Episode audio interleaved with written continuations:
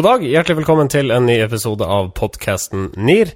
Mitt navn er Marius Stølen. Jeg sender live fra Studio 2, eller nesten live fra Studio 2, eh, i Nydalen, Oslo, sammen med mine to rådgivervenner. Vi begynner med mann i rutete skjorte. Det er uh, Sindre Holme. Ha på rutete skjorte, for det går greit på radio, men uh, ikke på TV, har jeg hørt. Nei, for da skal man ha uh, ikke rutete skjorte, har jeg hørt. Nei, for det er et eller annet med måten ruta fanges i lyset, og fargene sprer seg, og et eller annet sånt. Ja, det er et eller annet sånt. Håret ditt ville antagelig heller ikke ha gått på eh, TV. Nei, det ville blitt tatt i sminken, vil jeg si.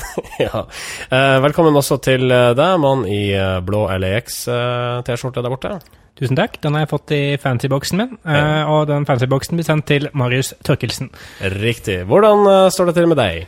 Eh, Det står bra til. Og jeg har lyst til å bare nevne innledningsvis, så jeg har lyst til å bare begynne med å gi litt kudos, men jeg vet ikke helt til hvem. Mm. Fordi, jeg vet ikke om folk fikk det med seg, men forrige fredag så var det en sånn gigantisk flashmob over hele landet. Det bare tøyt folk ut på gater og torg med flagg og rare klær. og Jeg vet ikke hva det var, men de, de som står bak det, er utrolig bra gjennomført. Jeg så det tok også av i sosiale medier. Uh, vi snakker jo selvfølgelig om, uh, for de som kjenner til dette her, eh, 17. mai. Uh, Sindre Holme, du har jo barn, eh, og dermed så ligger det vel i kortene at du også står opp tidlig denne dagen og på en måte tar del i feiringa på et eller annet vis. Ja, altså, jeg fikk jo øh, Vi fikk jo Familien øh, Holme fikk krangla seg ut av redet og dratt ned og faktisk gått i tog. Jeg var en av millioner av mennesker som gikk i tog. øh, og gikk også forbi Slottsbalkongen, øh, eller Slottsterrassen, eller hva det heter for noe. Ja. eh, og vinka til familien, og de, de var ganske gode til å vinke. Kongefamilien, altså? Ja, kongefamilien. Ja, Det imponerte meg litt, eh, egentlig, den Altså, det er Det blir Altså, jeg så også på TV2 etterpå, eh, og da var det han derre hoffeksperten Han har vi snakka om før. Totland. Eh, Han kommenterte da kongefamiliens opptreden, ikke bare på Slottsbalkongen, men også på Skaugum. Han kunne liksom fortelle hvordan, hva de hadde på seg, hvordan de Ja, Magnus var sånn og sånn. Utrolig hvor stille en bikkja satt på, på Skaugum. Så du det? Den, altså, hunden til kronprinsfamilien. Jeg så det ikke, men Totland så det helt sikkert. Jeg var langt ned i champagneflaske på det tidspunktet, så jeg så ikke noe som Klokka helst. åtte på morgenen. Å, det var så tidlig, ja. Ja. ja. Nei da, for å moderere meg en smule. Jeg var bare helt oppe i toppen av champagneflaska på det tidspunktet. Ja, ok. Ja. Ok, uh, nå er det i hvert fall uh, tilbake til uh, arbeidshverdagen og en ny episode med eh, rådgivning i podkastformat. Vi skal bl.a. få høre om et populært, men dobbeltmoralsk kvinnemagasin i dag. Vi skal snakke om klimaendringer. Ja vel? Og vi skal eh, se hva man ikke bør gjøre når man skal promotere en festival. Veldig spennende. Hjertelig velkommen til NIR episode 31. Norske informasjonsrådgivere. Vi starta denne sendinga i skisporet, for eh, det er vel ingen tvil om at Petter Northug er Norges desidert mest verdifulle idrettsutøver. Eh, Nå ble det for en stund tilbake kjent at han bryter ut av skilandslaget, kun for sommeren, riktignok. Og rett etter at den nyheten kom, så kom nyheten om at han har signert en avtale med Coop verdt 15 millioner kroner. Ja, så Det betyr vel at eh, Northug eh, da ikke er med på rulleskilandslaget? For det er jo bare på sommeren? Eller? Ja, Ja, det er, det er kun en uh, sommergreie. Altså, han skal trene for seg selv, da. Eh, og det gir Coop han 15 millioner kroner for eh, de tre neste årene. Eh, og Petter Northug skjønner sin verdi, og han, jeg synes at det er greit faktisk at han kun gjør det om sommeren. At uh, Skiforbundet burde egentlig være glad for at han faktisk går der resten av året. Det hadde vel ikke vært noe alternativ å vært sponsa av Coop hele året. Det hadde vel ikke blitt så veldig mange skiløp Petter Northug fikk delta på som singelutøver. Jo, det er, altså, hvis man kvalifiserer seg til verdenscupen, så kan man gå. Eh, selv om man ikke er tilknyttet landslaget. Så man kan, altså da vil det være Norge, Sverige, Finland og Petter Northug? Nei, man, man går som en utøver for landet Norge, men er ikke del av elitesatsingen til landslaget. Riktig. Så, men for tilskuerne så kan man fortsatt juble for Norge, selv om Ja, det kan. Petter Northug ikke Ja, han han melder, melder seg ikke ut av Norge som land. Nei. Nei, det, det er jo ikke noe det, er, det, det å melde seg ut på den måten er ikke noe, er ikke noe helt nytt. Fordi Håvard Bøkko, han skøyteløperen, han gjorde også det. Ja. Mm. Han uh, gikk til sin Peter Müller, uh, treneren. uh, eller brukte en annen trener enn det landslaget gjorde. og sto utenfor landslaget. Eh, men det nye her er jo at Northug er en Han er jo, har jo ekstrem høy eksponeringsverdi, eller markedsverdi. Og nå får ikke Eh, landslaget lov til å bruke han i noen form for markedsføring. I hvert fall ikke gjennom sommeren. ikke sommeren, og ikke de neste to eh, somrene, som det er forstått. Nei. Nei, altså det er jo eh, Landslaget er jo en litt, en litt sånn vanskelig posisjon her, for de har inngått en del litt sånn langsiktige sponsoravtaler, bl.a. med Coops konkurrent Spar, eh, hvor Petter Northug måtte ha deltatt også på kampanjer for Spar, eh, bl.a. under ski-VM eh, nå i vinter. Eh, og Det er jo en litt sånn rar greie at eh, Spar har sannsynligvis valgt å gå inn for å sponse skilandslaget mye pga. at Northug har brakt sporten i den posisjonen han har. Og så går, gjør han dette her. og Da hadde jeg vært litt sånn halvpist hvis jeg jobba i Spar. Ja, men er det ikke grunn til å være halvpist både hvis du er representant for Spar og for det norske landslaget her? Kan ikke dette Altså, det ene ting er at Håvard Bøkko gjorde dette her en gang, men det er ikke noe tvil om at Altså Det bruddet som Northug eh, gjør, representerer noe utafor normalen. Er det ikke grunnen for landslaget også å være litt pissed? Ikke så lenge det er lov til å gå ut av landslaget og, og operere på egen hånd. Da kan jo ikke landslaget være pissed, for da er det faktisk mulig å gjøre det. Uh, Norsk Tipping er jo pissed på Zuccarello fordi at han uh, blir sponsa av Unibet. Det er nå lov. Ja, men de eh, klarte jo å true land- hockeylandslaget til å stenge det ute også. Uh, ja, altså det, det, er, det er nok et uh, tegn på en sånn brytningstid, hvor utøverne ser sin individuelle markedsverdi og, eh, eh, og prøver å utnytte den på best mulig måte. Eh, så det, det er helt nytt for oss, men kommer antageligvis til å bli mer og mer vanlig, tror jeg. Ja, det, altså det er jo vanlig innenfor mange andre typer sporter, også i utlandet. I fotball er det vanlig at uh, de større, stjernene på de ulike klubblagene har andre f.eks. skosponsorer enn klubben, uh, fordi de får bedre dealer. og det har komme, Der man kommet til en eller annen sånn symbiose som fungerer sammen likevel. Og det er nok det som skilandslaget og Petter Northug ikke har klart ennå. fordi uh, ideelle var jo måte at Petter Northug kunne fortsette på landslaget og også ha en sponsoravtale. Så, så kunne også landslaget da hente, håve inn litt på at han faktisk var assosiert med dem. Men, men det er jo en liten Jeg vil tro det er en liten sånn krise i uh, Skiforbundet pga. dette her. For at eh, i vinter så gikk jo Swix ut og sa at eh, de ikke lenger skulle sponse langrennslandslaget, og valgte da skiskyting isteden. For de mente at langrenn ikke hadde appell eh, noe utover eh, Norden. Og de har jo ambisjoner om å om å nå markedene i Mellom-Europa, hvor skiskyting er mye større. Sånn at uh, det her er jo nok en sånn litt kjedelig sak for Skiforbundet, da, eller for langrennslandslaget spesielt. da. Jeg så et intervju med, med markedssjefen til land, eh, skilandslaget. Han ble spurt om dette måtte ville ha noe betydning for verdien til, til skiskilandslaget. Eh, så han var litt, litt sånn komisk Ali over det, for han, sa nei, nei, altså vi har eh, engasjerte samarbeidspartnere først og fremst er der for å støtte skisporten og fordi måtte, de ønsker å være med på et lang, langsiktig greie over det. Eh, og det er selvfølgelig mye, noe sannhet i det, men jeg tror nok også at det vil være et problem for dem at Petter Northug velger å stå utenfor, eh, selv om det nå kun er for sommeren. Ja, for man kan jo ta det enda mer eh, Eller gå enda mer ekstremt til verks. Si at hver enda landslagsløper går ut og signerer sine egne avtaler, om ikke med Coop, men eh, med Lime minipris, eller hva nå enn. Verdien av landslaget som organisasjon uten aktører kan vel ikke være særlig høy? Nei, og det Altså, det er selvfølgelig en, en annen eh, greie der som måtte gå på lojalitet. Altså, Petter Northug hadde aldri vært der han var hvis det ikke var for landslaget heller. Det blir sånn Norsk Tipping Zuccarello-greie. Mm. Men, men de har faktisk ikke valgt å gå til det steget og si at ja, men vi har lagd deg, vi har skapt deg, du er den du er pga. oss. Eh, Men sagt da, ok, greit, eh, da satser vi heller på de som ønsker å trene med oss i sommer. Ok, gir vi Petter Northug tommel opp eller tommel ned for å bryte med skilandslaget denne sommeren? Og de neste to eller tre? Jeg vet ikke helt. Det, altså, det, er, litt sånn, det er noe litt sånn tøft over å tørre å gjøre det. Samtidig er det noe veldig sånn usolidarisk over å gjøre det, som er, i vårt eh, nordlige sosialdemokrati smerter meg litt. Altså, her har jo eh, Skiforbundet gitt, den- gitt Northug en egen buss, og de har jo på en måte uh, behandla han som en konge eh, hele veien. Sånn at det er jo var kanskje bare et tidsspørsmål før han fikk, faktisk tenkte selv ja, jeg er jo konge, jeg kan gjøre hva jeg vil. Ja, Så Han kan til og med abdisere. ja, for så vidt tommel opp eh, fra meg, altså. Norske informasjonsrådgivere. Ja, da skal vi snakke om eh, kollektivtransporten. Og vi skal nærmere bestemt snakke om selskapet Kollektivtransportproduksjon AS. Eller det vil si, altså, de het det tidligere. Selskapet ble etablert i 2006 og erstatta den gang AS Oslo Sporveier. Så eh, nu, nylig skifta Kollektivtransportproduksjon AS navn til Sporveien. Og nå har de fått ny logo, og sånt blir det bråka. Ja, det blir det. Uh, altså for det første så, uh, så er det selvfølgelig det sånn obligatoriske runden med uh, ringe noen designere og spør hva de syns om den nye logoen greia til, til kampanje, og da er det alltid noen som uttaler seg negativt. Blant annet en som ikke ser S-en i logoen. Det syns jeg er godt gjort.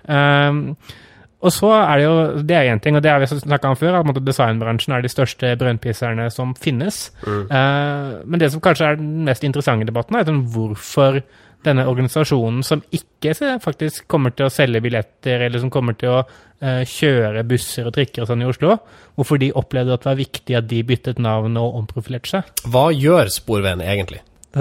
Kort sagt så produserer Sporveien transporttjenestene, og Ruter selger dem. Riktig.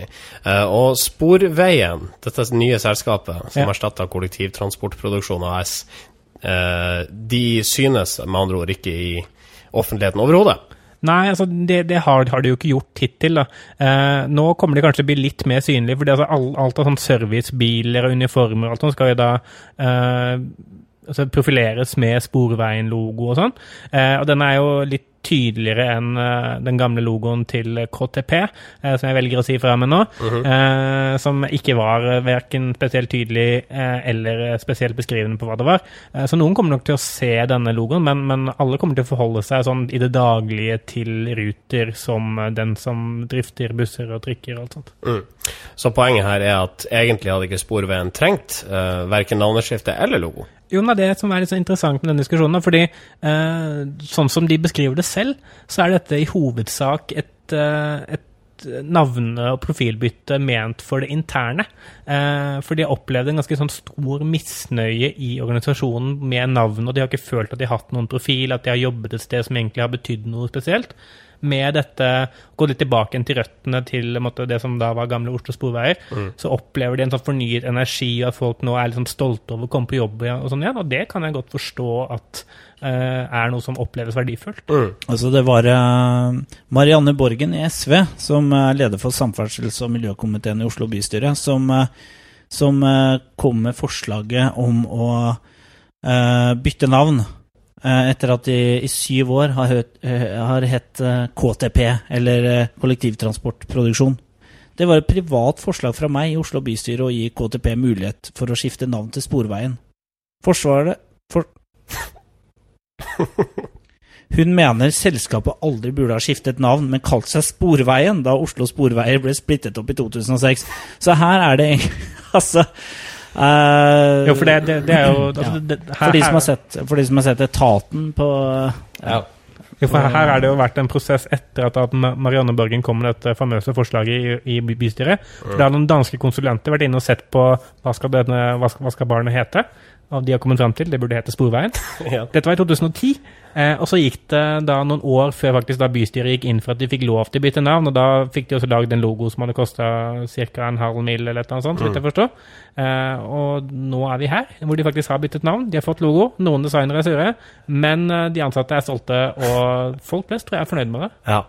Skal vi gi en tommel opp eller tommel ned for eh, Sporveiens eh, nye navn og logo? Jeg er litt tommel opp, jeg syns den er fin. Fin logo, altså. Norske informasjonsrådgivere. Da skal vi snakke om det populære kvinnemagasinet KK, som står for eh, Kvinner og klær. Blogger og journalist Marta Breen hun raser nå mot dette magasinet. Hvorfor? Jo, fordi de på den ene sida påstår at de vil at kvinner skal føle seg bedre, samtidig som de på den andre sida benytter spalteplass eh, til å bidra til kvinners dårlige sjølbilde. Ja, det stemmer. Eh, og dette er en diskusjon som har vært oppe før, og som sannsynligvis kommer til å komme opp igjen. Men det er jo eh, noe sånn bukken og havresekken over at eh, kvinner og klær både bidrar til å rive ned og bygge opp eh, kvinners, eller lesernes, selvbilde. Ja, Du er nødt til å forklare dette her litt mer inngående. Jo, jeg skal bruke sånn samme argumentene som, eh, som Martha bruker, da, eh, siden det er henne vi diskuterer.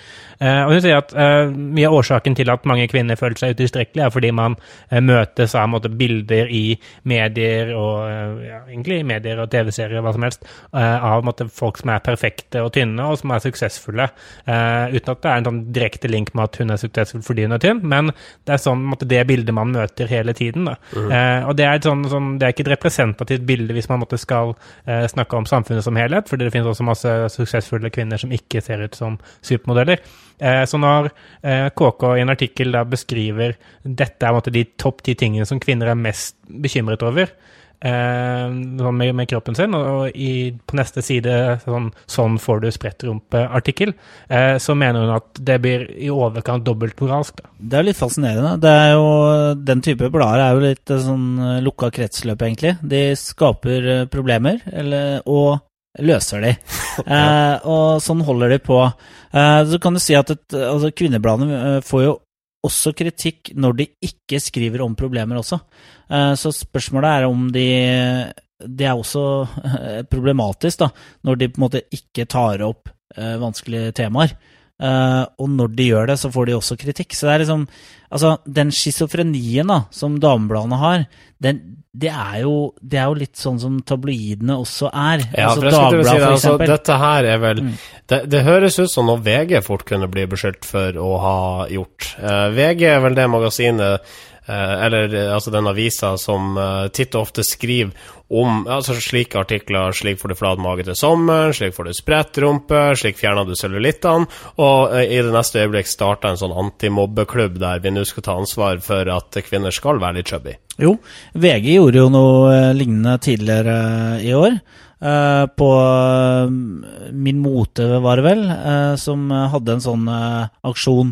Eh, og, det, ja, og det ligger litt i tabloidenes uh, natur, og sånn har, har de vært uh, så lenge jeg kan huske. Da. Uh, de tar opp i seg alle de strømningene som, eller de strømningene som er store nok til å være interessante å skrive om.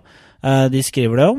Og så prøver de også å lage et sånt drømmebilde. Altså, de ønsker jo å fylle mange behov her, ikke sant? De ønsker å, å snakke om ting som, som er nært folk, og som opptar folk i det daglige, som er vanskelig. Og så ønsker de å skape en sånn derre illusjoner også. Eh, så den balansegangen er vanskelig å få til uten å virke selvmotsigende og schizofren. Men er kritikken fra Marta Breen her, er den valid? Eh, KK mener at den ikke er valid. De, de tar den ikke til seg. og De opplever ikke at de er egentlig noen som synder spesielt mye mot dette som hun beskriver, på tross av at det er en KK-artikkel som eh, hun henviser til. De mener at de måtte skrive om ting som kvinner er opptatt av.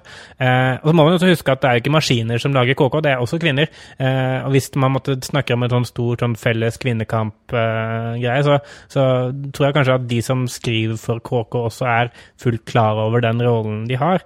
Eh, og har sannsynligvis de samme usikkerhetene som de de skriver for. Eh, så jeg tror ikke det er noe sånn så mye ondsinnethet i dette her som kanskje Marta Breen prøver å få det til å være gjennom eh, sitt blogginnlegg. Det KK forsvarer seg med, det er at KK skal være et pusterom. Det er noe, de, noe folk skal bruke når de slapper av og skal kose seg med. Det skal ikke være noe som måte begynner å oppfordre til kritisk tenkning eller, eh, eller noe sånt. Det skal være noe man slapper av med og syns er koselig. Uh, og da er det jo, når de da først begynner å røre opp i ting som er vanskelig, da begynner man jo også å kunne stille Bør man også kanskje kunne stille krav til de at de faktisk også tar det inn, innover seg litt mer da, enn det de gjør. Ja, og så tror jeg det finnes ikke et marked for et magasin med overvektende mange bilder av vanlige folk. Det kalles en avis. ja, ikke sant. Skal vi uh, tommel opp eller tommel ned for uh, kvinner og klær, da? Jeg syns det er uh, helt innafor. Helt greit. En uh, tommel opp eller tommel ned for Marta Breen? Jeg syns det er helt greit å påpeke det. Tommel opp til begge. Da skal vi snakke om eh, menneskeskapte klimaendringer. Eh, Det har vært tema for mang en debatt gjennom eh, årene som har gått. Nå har Frp ved Siv Jensen kasta seg inn i debatten og erkjenner at noen av klimaendringene er menneskeskapte. Og dette overrasker. Ja, altså Forrige uke så slapp University of Queensland en studie som viser at 97% av publiserte forskningsrapporter om klimaendringer gir klart uttrykk for at klimaendringene er kli eh, menneskeskapte. Eh, og Siv Jensen har eh, nå gått ut og sagt at vi bestrider ikke det, at klimaendringene er menneskeskapte. Diskusjonen handler om hvor mye det påvirker de samlede utfordringene vi står overfor, sier eh, da Siv Jensen. Og det her har jo skapt overskrifter i norsk presse. Hvorfor For- det? Jo, for de mener det er første gang eh, man i klartekst har fått høre fra en eh, Frp-er, eller Frp-leder, at mennesket påvirker klima. Hva har Siv Jensen og Frp sagt tidligere, da? Eh, nei, altså, eh, Siv Jensen har ikke uttalt seg så mye om dette, men, men Per-Willy Amundsen han har jo eh, brukt begrepet såkalte menneskeskapte klimaendringer ganske sånn hyppig eh, i, i diverse ordvekslinger. Eh, og han har kanskje vært den sånn fremste sånn, talspersonen til eh, Frp knyttet til dette temaet. Eh, og har også på en måte fått definere litt partiets politikk, i hvert fall i den offentlige i, i- det offentlige rom. Eh, nå er det jo andre Frp-politikere som faktisk har innrømmet dette. Jeg var på et foredrag med eh, Fredrik Hauge og Ketil Solvik-Olsen fra eh, Frp til tidligere år. og Han innrømmet jo at, eh, at Bellona og Frp har en del felles standpunkter. Mm. men Per-Willy Amundsen og Fredrik Hauge kommer jo aldri til å innrømme det, for Nei. de er jo ganske store venner. Dette er jo også litt interessant i et sånn eh, internpolitisk eh, perspektiv hos Frp. For Per-Willy Amundsen, Amundsen representerer jo en fløy i Frp som har fått mindre og mindre makt de siste åra. Det er jo for så vidt et sidespor. Men det Frp har eh, hengt seg på, da, det er jo den tvilen som mange har hatt til FNs klimapanel. Du hadde det herre Climate Gate, som eh, viste at eh, det har vært manipulasjon av forskning eh, knytta til klima osv. for noen år tilbake. Så Frp har også hatt i sitt eh, eh, partiprogram tidligere at eh, det er ikke nok forskning som støtter en påstand om at mennesket eh, påvirker klima. Presenterer vi denne saken som en gladnyhet, sånn type endelig er Frp med på klimavogna, eller er dette her mer en debatt rundt uh, hvorfor Frp snur nå? Jeg er så litt redd for at dette her blir sånn ordkløveri, og det bare blir et politisk spill ut av dette her. da. For det egentlig så er jo uttalelsen veldig viktig for klimasaken. Spørsmålet nå er jo hvordan uh, miljøvernorganisasjoner og, eh, og de som eh, er opptatt av dette, som, ja, som, som engasjerer seg sterkt i dette, natur og ungdom osv., hvordan de håndterer det. For nå er liksom den politiske fienden da, i klimasaken, den er på en måte litt borte nå. Eller i hvert fall ikke så farlig lenger. De har ingen skurkehistorie skurk i Nei, det er si. ikke noe skurk lenger, og nå må jo Altså, når alle nå erkjenner at dette er et problem som vi mennesker må kunne uh, ta tak i, og som vi kan påvirke, faktisk, eh, så er det jo spennende å se om, eh, om det skjer noe politisk, da. Jeg synes jo dette er litt så interessant, for dette er jo, nå er det få dager til FrPs landsmøte også. Eh, og at hvis klima plutselig blir en sak som Frp kommer til å eh, profilere seg på, så er det litt interessant for meg å måtte sett eh, landsmøtet til Høyre og til Ap tidligere år, som måtte, hvor eh, Ap har jo gått eh, inn for en konsekvensutredning rundt Lofoten og Vesterålen.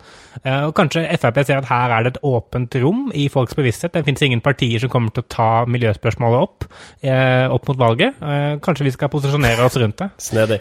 Det er veldig interessant hvis det skjer, for det Frp har snakka om knytta til klimasaken, er jo at det må, det må utvikles ny teknologi som er miljøvennlig. Det har, jo det, det har de gjort ganske, ganske konsekvent.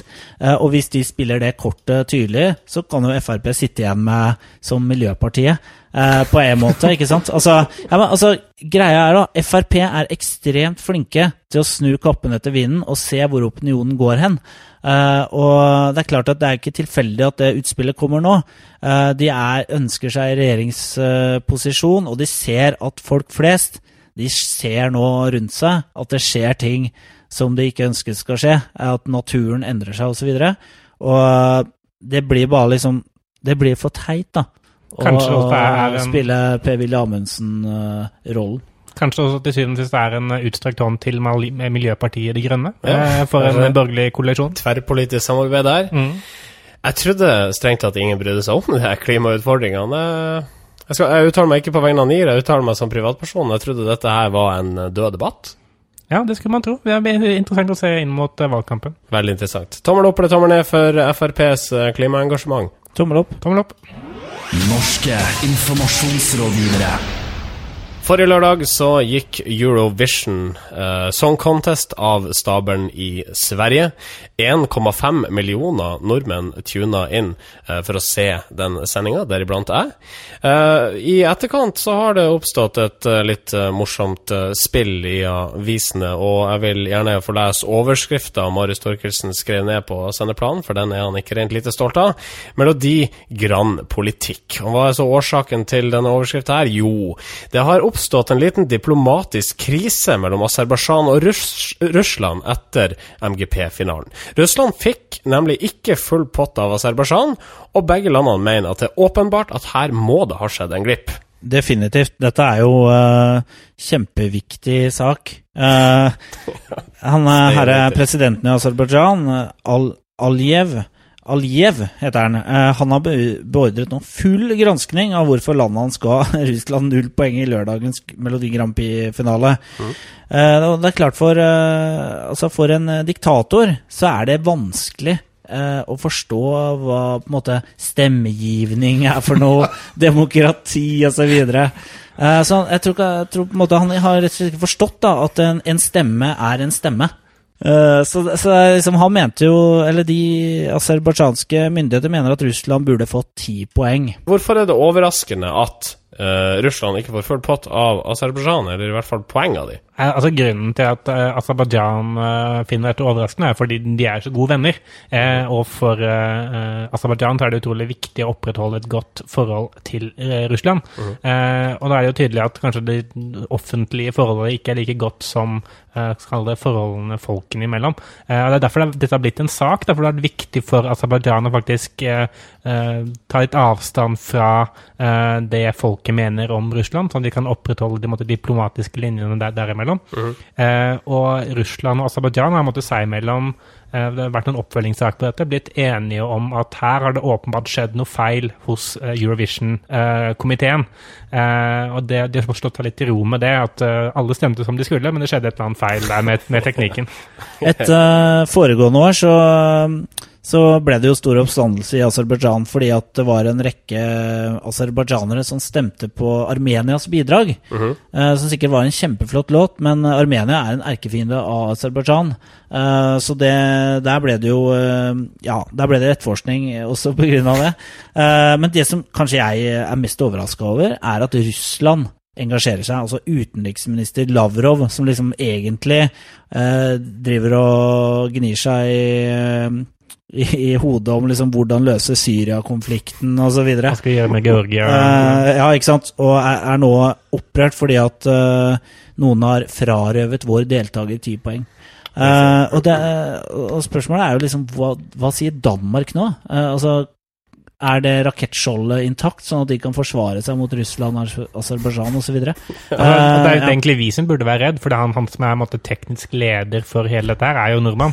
Oh, ja, det er Eh, kjempeproblem. Så det er jo han som egentlig får beskyldningene haglende mot seg fra mye av østblokken.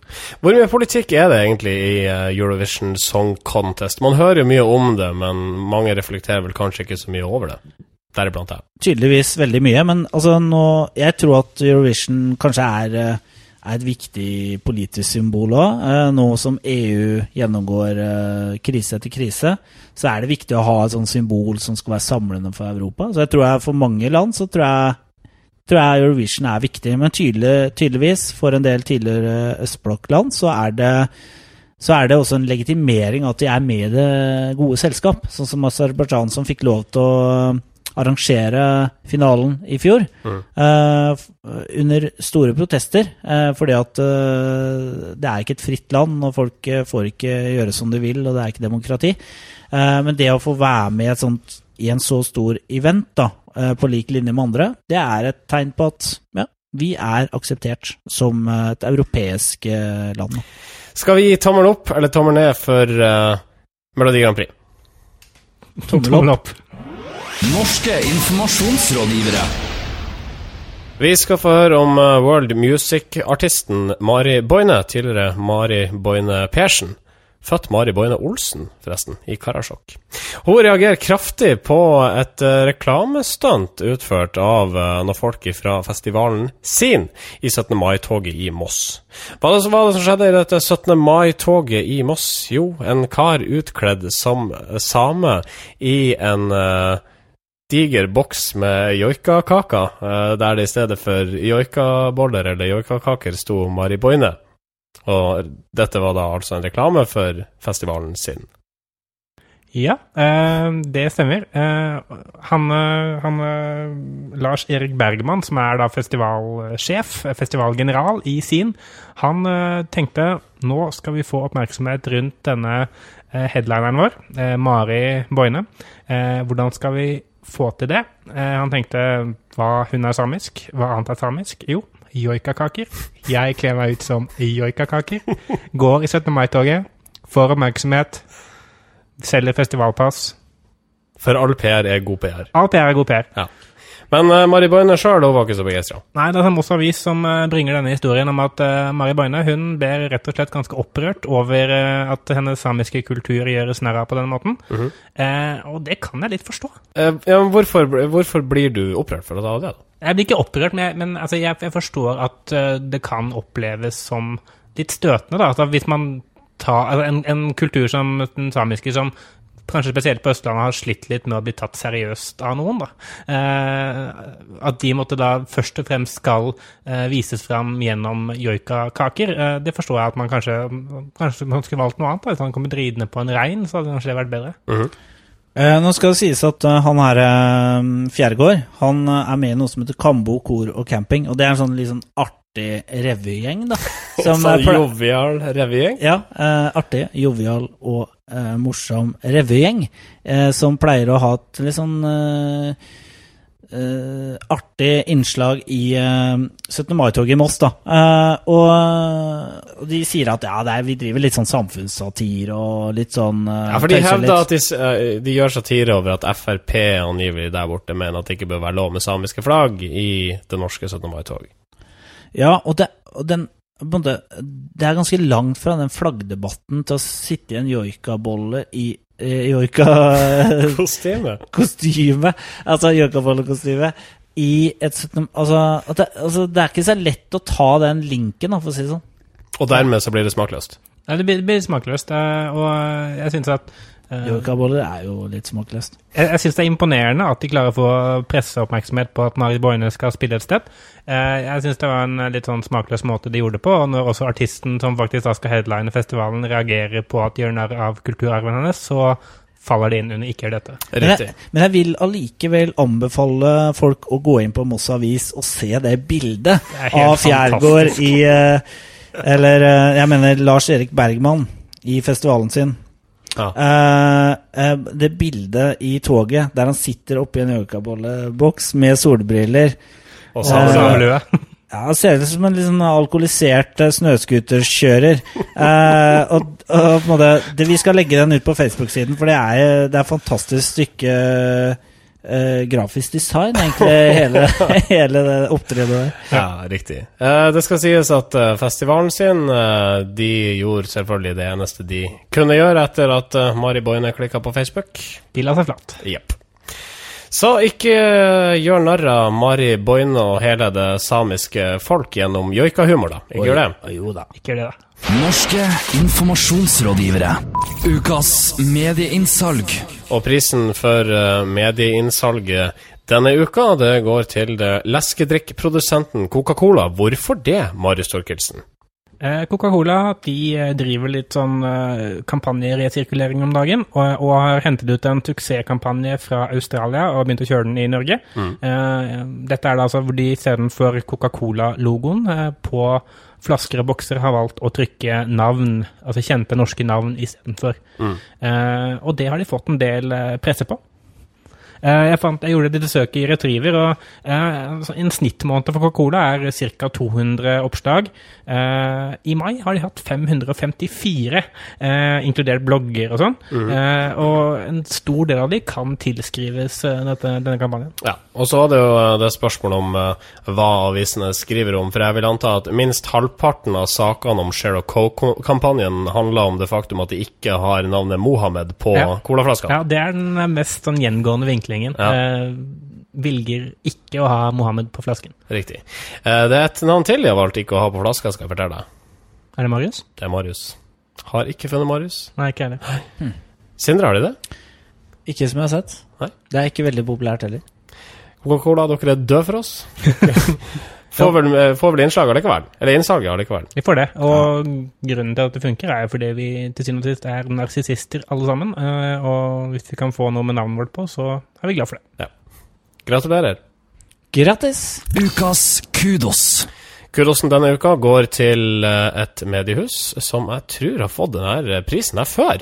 Det er da veldig hvor innovativt dette VG-huset er. Hvorfor får de kudosen denne uka? Ja, denne gangen har de eh, gjort et uh, intervju med Hans Olav Lahlum. Ja. Uh, og det er jo ikke verdens mest tabloide person, uh, men de har gjort det på en eh, eh, veldig uvant måte. For de har faktisk intervjua han i 30 timer. Eh, og det er eh, verdensrekord, faktisk. Og eh, det er jo også Ikke bare har de gjort intervjuet i 30 timer, men de har jo gjort det på, på VGTV, sånn at du kan følge det hele veien. Så jeg syns det er et kult påfunn. Det er bra gjennomført, og det er litt sånn Sånn det har blitt, da, er at det er bare VG som kan gjøre dette her i Norge. Hvorfor det? Jo, for VG har liksom gjort det til sitt varemerke det siste året, i hvert fall, å gjøre det utradisjonelle. Ja, for jeg synes altså det er, at det er, I og med at gjesten her faktisk er Hans Olav Lahlum, er ikke verdens mest uh, sexy intervjuobjekt, eh, i hvert fall ikke sånn uh, innledningsmessig, uh, så er det faktisk det at VG gjør det, er mer interessant enn at Hans Olav Lahlum intervjues. Eh, hvis si Fredrikstad Blad hadde gjort det, så hadde de trengt en kjendis for at det skulle vært mer interessant. Riktig. Eh, 30 timer, det, med det så slår de vel godt og vel den rekorden for lengste intervjuet tidligere. Den var vel på rundt 24 timer, var det ikke det? Ja, det var i New Zealand. Uh, var vel eh, noen timer eh, færre. Men altså, valget av Lahlum er ganske bra òg. Altså, det er jo en utabloid, men samtidig en fyr som har mye på hjertet. Han har skrevet flere biografier. Sist jeg var innom og sjekka, så snakka han om Håkon Lie og Oskar Torp. Eh, gamle sånne høvdinger, politiske høvdinger i Norge. Og han snakker om Norge i etterkrigstiden osv. Altså, han kunne jo egentlig begynt i år null, sikkert, og gjort det interessant eh, og hatt nok kunnskap. Altså, det er ikke hvem som helst som kan bli intervjua i 30 timer. Hadde f.eks. satt uh, Petter Pilgaard i den eh, stolen der, så tror jeg det kunne blitt ganske pinlig i 29 eh, timer og 49 minutter. Ja, Petter, hvor mange prosent syns du man skal være seg sjøl? 110. Eh, Eh, kudosen går altså til VG. Vi gir vel litt til Lahlum. Vi får vel uh, gi det litt til journalisten som faktisk skal sitte her og høre uh, Lahlum skravle i 30 timer også. Ja, Ja. Uh, han Ganske kjapt etter at de starta intervjuene, så måtte jo han tisse veldig mye. Og det lagde jo også VGs sak på. At Mats Andersen som intervjuer må veldig på do. Mm. Eh, og det som imponerer meg med VG, det er at når de velger å å gjøre en sånn type ting, så har de ressurs, re, ressurser, heter det, til det. Ja. Eh, de, du kan chatte med andre journalister som kommenterer Altså Det er et metanivå som ikke, som ikke har noen grenser. Altså Her kan du chatte om journalisten som intervjuer intervjuobjektet, som faktisk eh, er saken her. Ja. Eh, Om han at, at han har tatt av seg skoa, f.eks. Du koste deg gløgg i hjel gjennom hele intervjuet. Jeg, som. jeg er litt nerdete når det gjelder journalistikk, og liker sånn eh, tøys som det der. Da. Ja. Grattis til VGTV og eh, til eh, disse to som måtte sitte og høre på hverandre i 30 timer. Kudosen kommer i deres retning. Norske informasjonsrådgivere.